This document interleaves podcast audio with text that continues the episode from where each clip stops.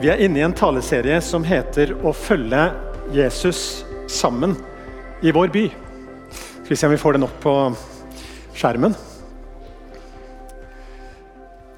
Å følge Jesus sammen i vår by. Jeg vet ikke, jeg syns det er en veldig god setning. Jeg syns det er godt sagt. Men hva er det det egentlig betyr? Hva er det egentlig det betyr for deg og meg å følge Jesus? Vi har sagt at det handler om tre ting. Det handler om å være med Jesus. Og Forrige søndag så hadde Steinar en hel tale om det å være med Jesus. Og Det er lett å tenke at det handler om at nå må jeg fikse bønnelivet mitt, nå må jeg fikse bibellesningen min. Men det som Steinar minte oss litt på, det er at Gud er med oss alle dager. Vi har fått Den hellige ånd, og Jesus han har lov til å være med. Så Det betyr at du, hver dag så kan vi praktisere Guds nærvær. Midt i det vi gjør, midt i de små og store tingene som vi likevel gjør, så kan vi være bevisst på at han er med oss. Og Så utfordrer han oss på å øve oss på det sammen. Å følge Jesus sammen i vår by betyr også å gjøre det Jesus ville gjort hvis han var meg.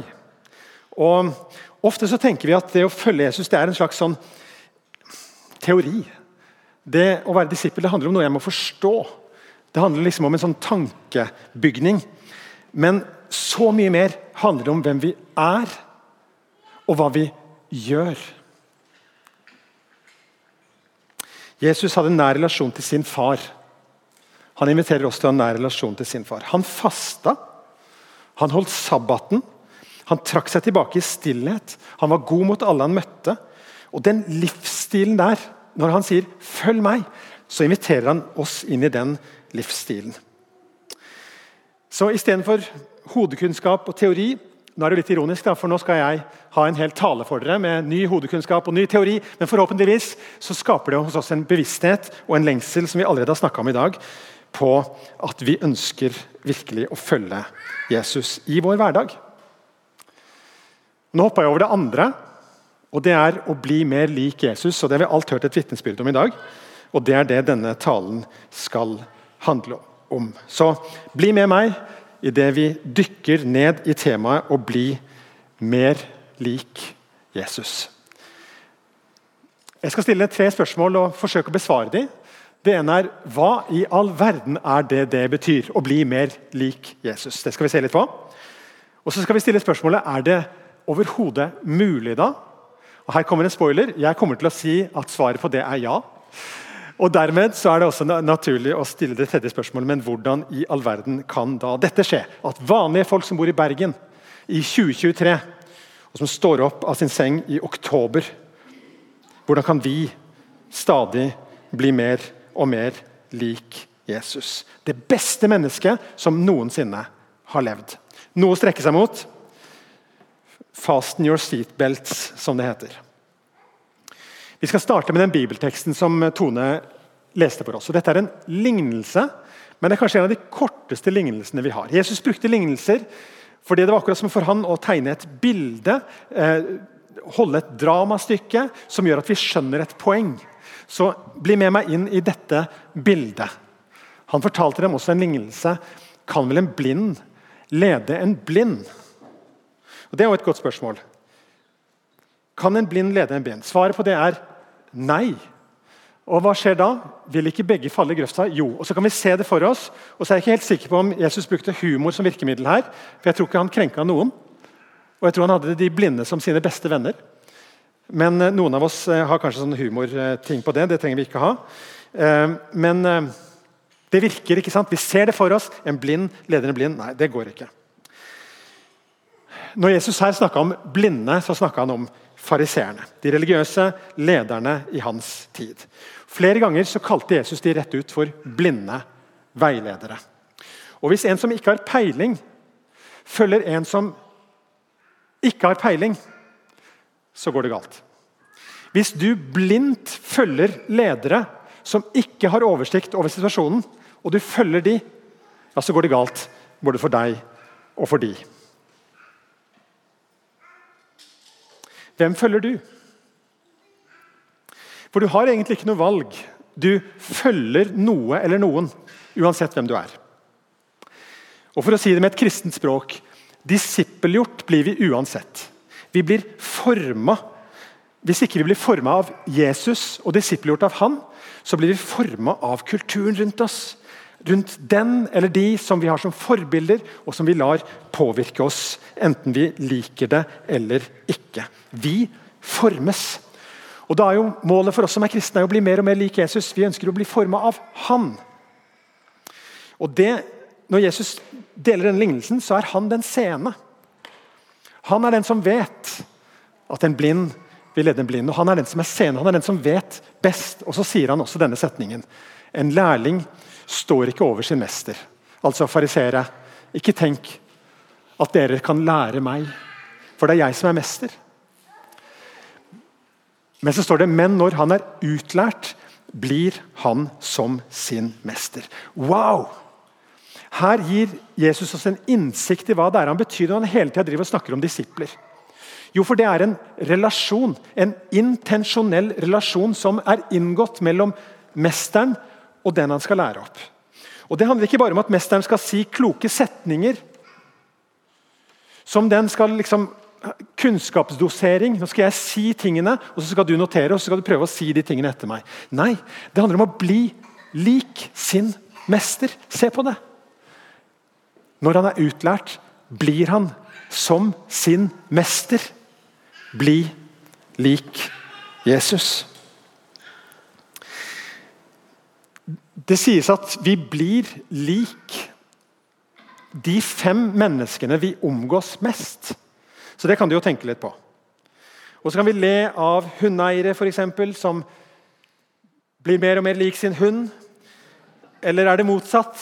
Jeg vet ikke, men Dette er et fenomen. Jeg tror de fleste hunder er styla som sin uh, herre, men uh, jeg vet ikke. Han der pastoren der har jo blitt pastor pga. en sånn hund, antagelig. Eller vi kan flire litt av Gamle ektepar. Jeg har jo vært gift i over 26 år, så jeg vet hva jeg snakker om. Vi fullfører hverandres setninger, liker den samme maten, ler av de samme vitsene, og til og med så ser vi etter hvert like ut. Dette er et maleri, da. Prøver å gjemme seg bak en høygaffel her, men det hjelper ikke. Men du og jeg vi lar oss påvirke av våre omgivelser, men det vi ønsker og det vi har som visjon og lengsel, det er å bli mer og mer lik Jesus. Dette er fra Jesus Revolution. Noen som har sett den filmen? Knakende god film. Hvis du ikke har sett den, så vet jeg ikke om den går på kino, men den kommer sikkert på en strømmetjeneste. Se den. Her er Lonnie Frisbee, eller skuespilleren, som også er skuespilleren i Chosen. Det er jo litt forvirrende her. Men Lonnie Frisbee sa Han gikk rundt med hippieklær og barbeint og langt hår og skjegg og sa at når folk ser meg, så sier de at jeg ligner på Jesus. Og så sa han det er ingenting jeg heller vil. Det er ingenting jeg heller vil. Vi ønsker å bli mer lik Jesus. Så I denne kirka så sier vi at vi vil følge Jesus. Og vi vil gjøre det sammen. Og vi vil gjøre det i vår by. Og Det er fordi at det var det Jesus kalte oss til. Så det er ikke bare et påfunn, altså selv om vi syns det er godt formulert. Det at vi sier at vi vil følge Jesus, og at vi vil gjøre det sammen, vi vil gjøre det alle, vi vil gjøre det her, det handler om det han har sagt til oss, og det er at vi skal være disipler av han. Vi skal gå inn i denne relasjonen til han, der vi mer og mer over tid blir lik vår mester. Når Jesus kalte oss til å gjøre disipler, så var det det han sa. Han sa ikke 'gå rundt og gjør så mange som mulig til tilhengere av meg' eller tilhengere av Jesusreligionen. Gå rundt og gjør så mange som mulig til sånne som signer opp og sier at jeg er i hvert fall en tilskuer og, og, og har sympati for Jesus. Det var ikke det han sa. Han sa gå ut og gjør alle folkeslag til mine disipler. Sånne som går inn i denne intensjonelle relasjonen med Jesus og over tid blir mer og mer påvirka av han. Og lær dem å holde alt det jeg har befalt dere. Det er en stor oppgave, dere. Å lære alle de som ønsker å følge Jesus, alle de tingene han sa. Disse tingene skal dere gjøre og holde. Ofte så tenker jeg vi gjør det motsatte. Vi sier sign up, bli med i en kirke, bli med i heiagjengen. Men det er helt i orden at du lever sånn som du vil. Lev sånn som du finner det for godt. Det gjør ikke noen forskjell. Vi snakker som om det ikke gjør noen forskjell at Jesus har kommet inn i menneskers liv. Men sånn kan det jo ikke være. Jesus sa, 'Kom, følg meg'. I det derre 'kommet' så ligger en invitasjon. og Hvis vi tenker på de første disiplene, så er det jo litt av en gjeng. Altså. Det var noen enkle fiskere. Det var en toller. Det var en religiøs ekstremist, en selot. Det var kranglevorne brødre. Det var en tyv. Jeg tenker I dette første ordet 'kom' så er det en sånn lav terskel, en invitasjon til hvem som helst. Uansett hvem du er, uansett hvor lenge du har kalt deg en kristen, så kan du få komme. Og Så sier han dette ordet 'følg'. og Det er jo det ordet vi skal jobbe med disse tre talene. Hva i all verden er det det betyr når han sier 'følg'? Men det store er at han sier 'meg'. For det handler ikke om meg. Og Det handler ikke om hvor godt jeg får det til dette å følge Jesus. Det handler om han. Og han er stor nok til at alle mennesker på denne jorden kan strekke seg mot han og si 'Jesus, jeg vil ligne på deg'. Og så er det han som skal gjøre det. Han er troens opphavsmann, han er troens fullender, han er vår Herre og han er vår frelser. Det er han som dette handler om.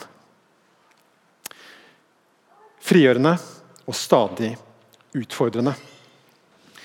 Max Lucado har en bok på norsk som heter akkurat det som er tema for denne talen. Bli lik Jesus. Og I den så sier han det så bra. Han sier Gud elsker deg akkurat slik du er. Men han kan ikke la deg være sånn. Han vil at du skal bli lik Jesus. Stian Kilde Aarebrot sier det i boka 'Kunsten å forme livet'. Ja, Gud oss, ja, Gud elsker oss akkurat som vi er. Men han elsker oss altfor høyt til å la oss forbli slik. Å velge å ikke gjøre noe for å bli bedre mennesker er tragisk. Både for oss selv, familie og venner. For ikke å snakke om for kakaoinnhøsterne på Elfenbenskysten og tekstilarbeiderne i Kambodsja. Så Budskapet er at vi kan på en måte ikke legge oss på sofaen, putte armene i kors og si at av nåde er jeg frelst, så la verden seile sin sjø. Vi kan jo ikke det. Vi kan jo ikke det å kalle oss kristne. De første kristne ble kalt for kristne fordi de ligna på Kristus. Vi gjør jo skam på hans navn hvis vi sier jeg tar imot nåden din, jeg tar imot tilgivelsen din, og så vil jeg leve sånn som jeg vil. I latskap og egoisme og mørke. Og så taper vi mest på det sjøl. Derfor snakker vi i dag om å bli mer og mer lik Jesus. I teologien så skiller vi mellom rettferdiggjørelse og helliggjørelse. Og, og Tilgi meg at det blir litt dosering av bibelskolekunnskap her. Jeg er jo en gammel bibelskolelærer. På engelsk heter det 'justification'. Det er det som skjer i det øyeblikket du tar imot Jesus. Da blir du 100% rettferdig for Gud i et øyeblikk. Du får hele pakka i samme sekund. Og Det er evangeliet. At alt det som Jesus har gjort, alt det han har fortjent, det får du som gave. Vær så god. Og alt det gale du har gjort, det, du, det som gjør at, du, at, det skiller mellom Gud og deg, det tar han bort. Det var med på korset. Så i det øyeblikk du tar imot Jesus som din frelser, så blir du justified på engelsk. Du blir rettferdiggjort. Og du er 100% klar for å møte Gud. Det er du allerede, du som har tatt imot Jesus. Men så starter det altså samtidig en prosess som på engelsk heter sanctification. Den grønne linja der, det er for de pessimistiske, de som tror at dette, dette er egentlig ikke mulig. Vi kommer egentlig ingen vei. Det er egentlig ikke så veldig mye bedring vi kan eh, ane og spore. Litt sånn som Gert Paul. Nei da. Men ah, Nå fikk jeg lyst til å fortelle en historie. Jeg skal gjøre det. Siden jeg sa Gert Paul, så skal jeg ta og stille meg sjøl i et fryktelig dårlig lys her. Dere tåler det? Det var eh, solnedgang. Vi satt på verandaen, jeg og kona og barna mine og en potensielt kommende svigersønn. Vi hadde spist et godt måltid. og Akkurat der vi har veranda, så er det utsikt og fint å sitte og se. Men så er det sånn at borte hos eh, naboen helt på grensa, så står det et stort løvtre. Og Det var akkurat der sola gikk ned. Jeg har tenkt mye på det løvtreet. Kan jo bare spørre naboen hva trenger det å stå der egentlig? Nå skal du høre hvor langt jeg kom til i gjørelsen. Jeg reiste meg opp fra bordet, løp ut i vedskjolet Fant en sag. lente meg fra mitt gjerde over til naboens gjerde, sagde ned treet, tok det på skulderen.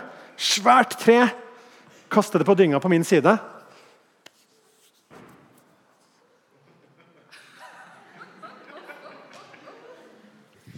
Og dette skal være pastor.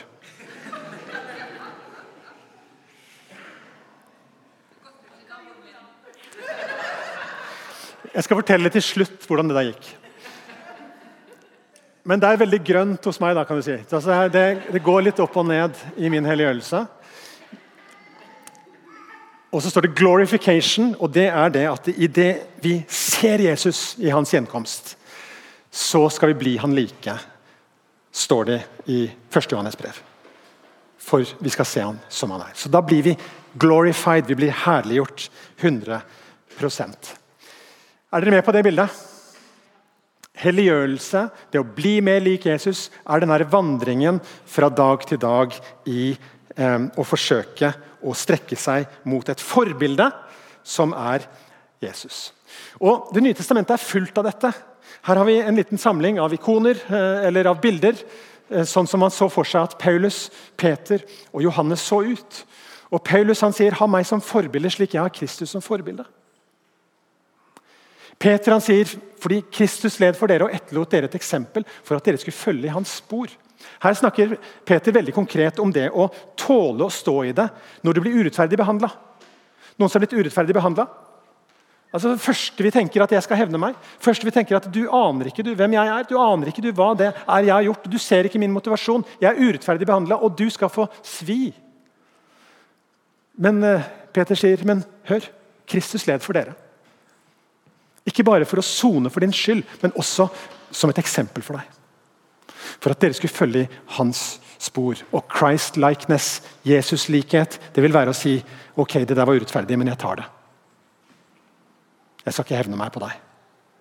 Du har såra meg dypt, men jeg skal ikke såre deg tilbake. Det stopper her. Fordi Jesus, han led for meg, og jeg vil følge han. Følge i hans spor. Og Johannes sier det sterkt i 1. Johannes brev. Han som var en av disse tordensønnene som stadig krangla med broren sin. Og som stadig av og til skyldte han på mora, men han spurte hvem av oss er det som egentlig er størst. Hvis du skulle rangert oss, Jesus. Han sier på sine gamle dager Den som sier 'jeg er i ham', må leve slik Jesus levde. Det er ikke tvil om at dette er det Det nye testamentet sier til oss. dere. Dette er det vi har å strekke oss imot. Og Jeg kunne fortsatt med mange ulike bibelvers. Men vi, vi må nå komme til spørsmålet er det mulig. For er ikke dette å sette liksom lista for høyt og sikte seg mot Jesus? Kunne vi ikke sikte oss mot Paulus da, eller eh, mot Johannes eller en av de andre disiplene? i det minste? Vi er jo mennesker. Ja, Det er rart, det der. Men det er altså dette Jesus sier. Han kaller oss til å følge seg. Det er ingen andre forbilder. Det vil si, Paulus sier 'ha meg som forbilde', slik jeg har Jesus som forbilde. Men det er ingen som kan leve opp til det å være Gud i ditt liv. Ingen som kan leve opp til å være den standarden som vi skal strekke oss mot i vårt møte med andre mennesker. Og jeg sier ja. Og Når jeg leser Det Nye testamentet, så syns jeg at Paulus er optimistisk på forandringsmuligheten sine vegne. Det virker på meg som han er optimistisk. Og Noen ganger er han realistisk, f.eks. i Galaterbrevet 4,19. Han sier mine barn, som jeg igjen må føde med smerte inntil Kristus vinner skikkelse i dere. Det er jo litt av et bilde. Paulus som føderske, som føder disse åndelige barna som han er åndelige foreldre til, på nytt. Med smerte. Han lider for det er jo Dere skulle vært der, folkens, men dere er ikke der inntil Kristus vinner skikkelse i dere. Så optimistisk, realistisk Eller kanskje handler det ikke om optimistisk eller realistisk i det hele tatt. Kanskje handler det om å ha en visjon for sitt liv. Jeg vet ikke med deg, men jeg tenker at Når jeg blir en gammel mann, så ønsker jeg ikke å være bitter. Jeg ønsker ikke å være bekymra. Jeg ønsker ikke å være full av uro. Jeg ønsker ikke å være en som tenker på meg og mitt. Men ønsker jeg å være en som ligner på Jesus, som har fred, som har tid til folk. Som sier 'ja, ja, der såra du meg, gitt', men jeg skal ikke såre deg tilbake. Jeg ønsker som gammel mann å være mer helliggjort enn jeg er i dag. Jeg drømmer om at Jesus, at jeg skal komme så nær Jesus i min hverdag i 2023 at han påvirker meg. Å være så nær på andre som følger Jesus i 2023, at dere påvirker meg. Og at vi sammen blir mer og mer lik han. Mer som en visjon. Er dere med meg? Det er mulig, men fullkommen blir jeg ikke her.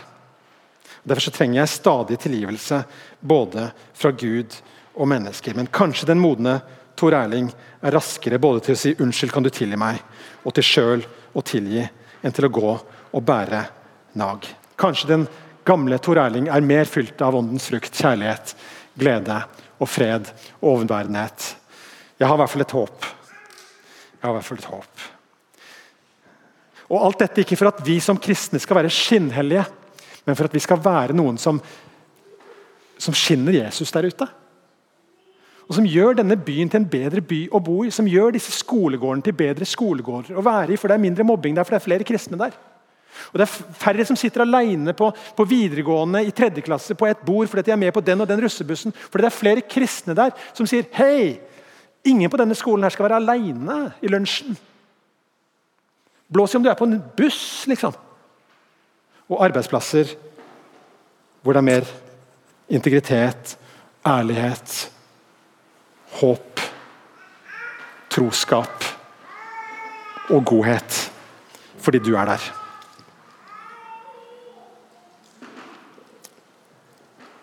Det er mulig, og, og det er som å kaste visjon.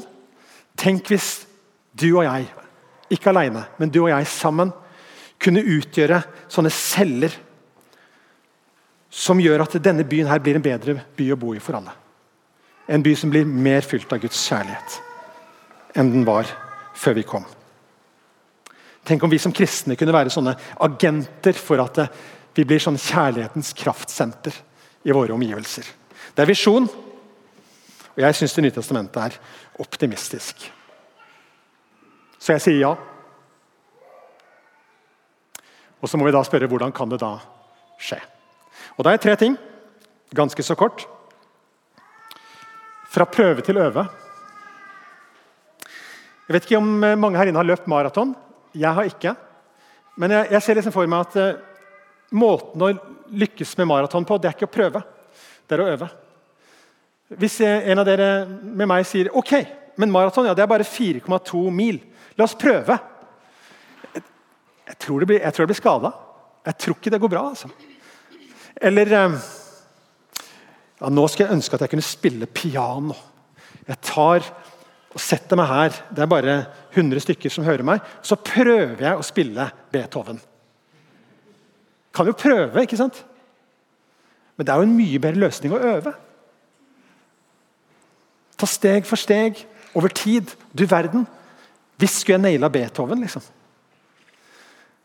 Eller så, har dere sett Portrettmesterskapet på NRK? Tenk så gøy det har vært å kunne male et portrett. Liksom Å få fram følelsene, få fram mennesket bak. Ikke bare ta et bilde, men liksom klare å få opp liksom kunst. Jeg kan jo prøve å tegne deg, liksom. Men jeg tror også at hvis jeg hadde satt meg ned og begynt å lære meg det, så kunne jeg malt et portrett av deg om 25 år. Lykke til. Men det må øves. Det må øves. Og jeg tenker at det er en vei å gå for oss som Jesus etterfølgere. Så la oss ikke liksom lage det der bildet av denne visjonen så heavy at det er helt uoppnåelig. Og så sier vi ok, vi gjør skippertak, dere. Nå gjør vi alt vi kan for å vise Guds kjærlighet. Fra i dag. Alt skal være perfekt. Hva med å ta noen små steg? Hva med å ta noen små steg? Hva, med å si, hva, hva kan det innebære i praksis for deg? Hva kan være mulig for deg neste uke å gjøre annerledes enn du gjorde i forrige uke? Fra teori til vaner. Og som sagt, En lang dosering av kunnskap her nok en gang. Men vi trenger også noen ord vi trenger også noen konsepter. Men mer enn det så trenger vi å bygge inn gode vaner. Du har gode vaner, for du legger deg om kvelden. Du har lært fra du var liten at det er lurt av deg å legge deg om kvelden. Så det gjør du. Og du har gode vaner med å spise mat, og som regel sunn mat. Noen av oss har til og med gode vaner med å mosjonere litt innimellom. Vi har vaner som er innarbeida, og så blir det liksom etter hvert sånn de som er gode på å trene, jeg er jo ikke det, men de sier at etter hvert så blir det sånn at du, du, har lyst til å løpe. Jeg skjønner jo ikke det, men man kommer inn i en modus der man liksom Dette her er bare sånn jeg er. Dette er det kroppen min vil ha. Og moderne hjerneforskere, eller De beste hjerneforskerne de sier at det skaper spor i hjernen din. Hjernen din blir liksom trimma mot det du gir den av livspraksiser. Så du og jeg kan strekke oss mot Jesus. Hjernen vår er laga sånn at den kan formes til å bli mer og mer lik han. Og så den siste fra alene til sammen. Ikke sitt her nå og tenk hm, nå skal jeg få det til. Nå skal jeg jammen. Tenk hm, hva skal jeg si til de andre i smågruppa mi? Hva skal jeg si til Og så velger du en. At kunne være mitt neste steg. Hvilken trospraksis vil du gå inn i som gjør at du på over tid blir mer og mer lik Jesus? Han holdt sabbaten. Kanskje noen av oss bare jobber og jobber og jobber. og jobber og jobber, og jobber. Men tenk å stoppe en hel dag, 24 timer, og bare ha pause. Bare gjøre kjekke ting. Bare være relasjonell. Bare gjøre byggende ting. Finne gleden. Én dag i uka. Så nydelig. Jesus han trakk seg tilbake og søkte stillhet.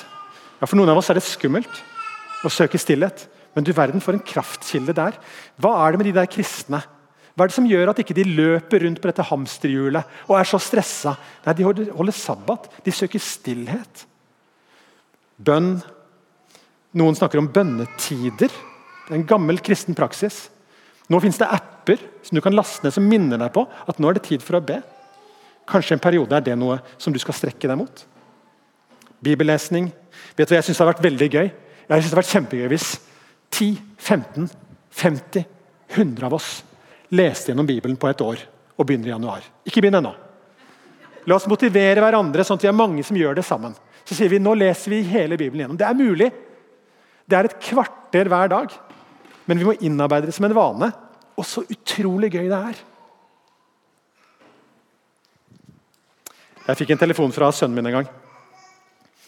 Pappa han var 16 år, han hadde akkurat begynt på internatskole. Så han, pappa, blir du med å lese gjennom Bibelen på 30 dager? So much for å sende de på internatskole. Ja, ja, ja, jeg er med, sa jeg.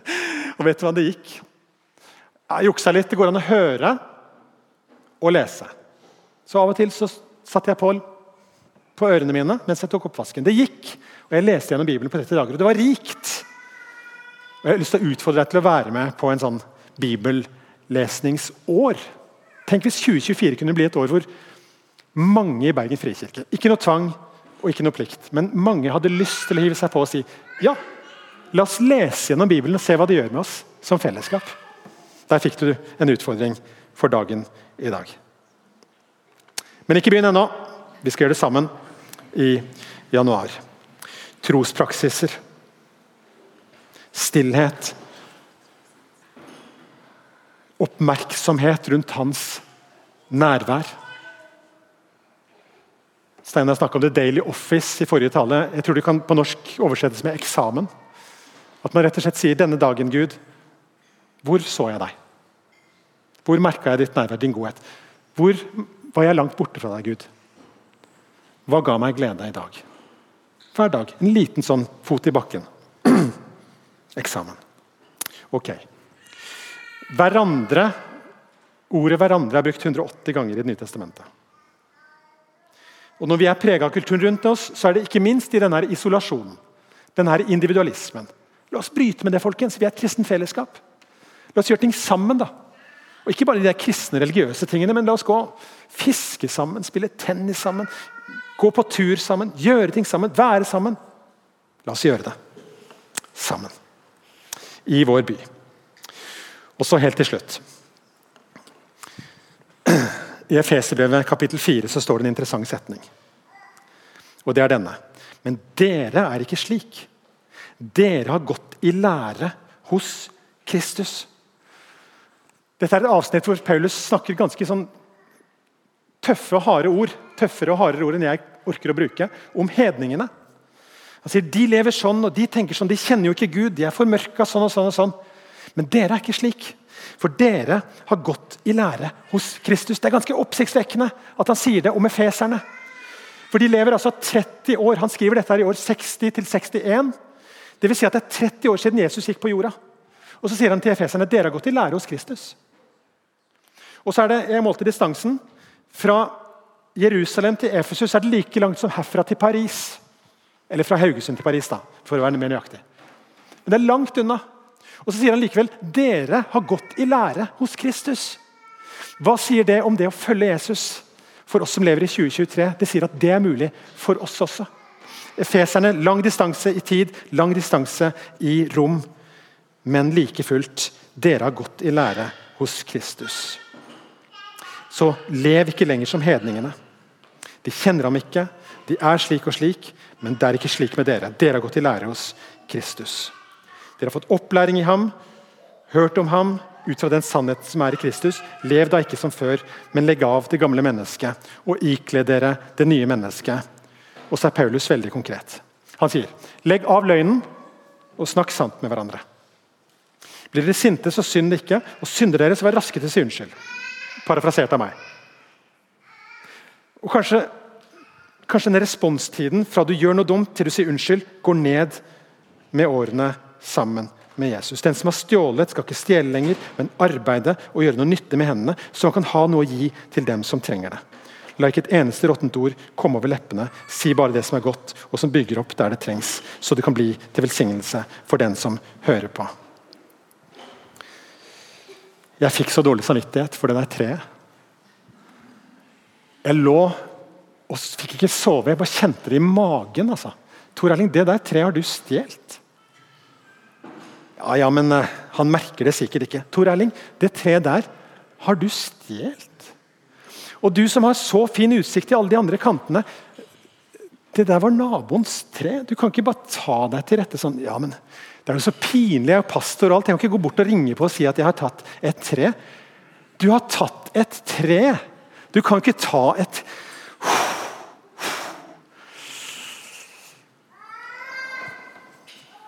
Jeg ringte på hos naboen. Du, eh, jeg må bekjenne noe for deg. Ja, hva er det? da? Jeg har tatt meg til rette. Jeg har sagnet et tre. Ja, Hvilket tre er det? Er det et frukttre? Nei, det er ikke et frukttre.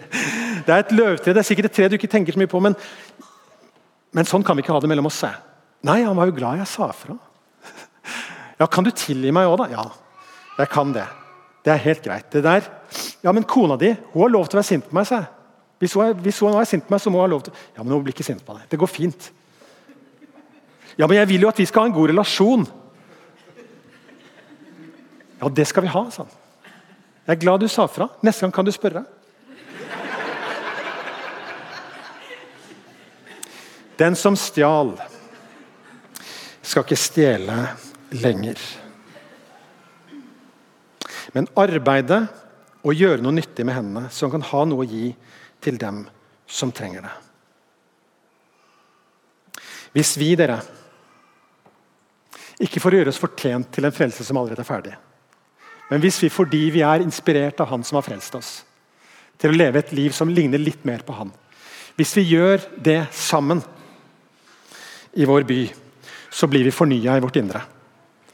Og så blir vi sammen fornya. Og så blir denne byen fornya. La oss be. Himmelske Far. Takk at når vi prøver og feiler, så tilgir du gang på gang på gang. på gang. Og takk for Din Hellige Ånd som bor i oss, og som minner oss om synd, og som sier 'gå og gjør opp'. Ah, det koster, men det bygger relasjoner. Å si at 'jeg er ikke bedre', jeg er en som trenger tilgivelse, kan du tilgi meg? Takk at du alt har tilgitt oss. Hjelp oss til å tilgi hverandre, til å elske hverandre, til å ta oppgjør med ting som er blitt gruffe mellom oss. Og til å gå sammen på den veien som er stadig nærmere vår frelser, Jesus Kristus. Og Så ser vi fram til den dagen hvor vi skal se deg som du er, Herre. Og skal bli forvandla, fullt og helt. Og så gleder vi oss over muligheten til å bli mer og mer lik deg i den tiden vi har her. Sammen. Og for et fantastisk fellesskap det skal bli. I Jesu navn. Amen.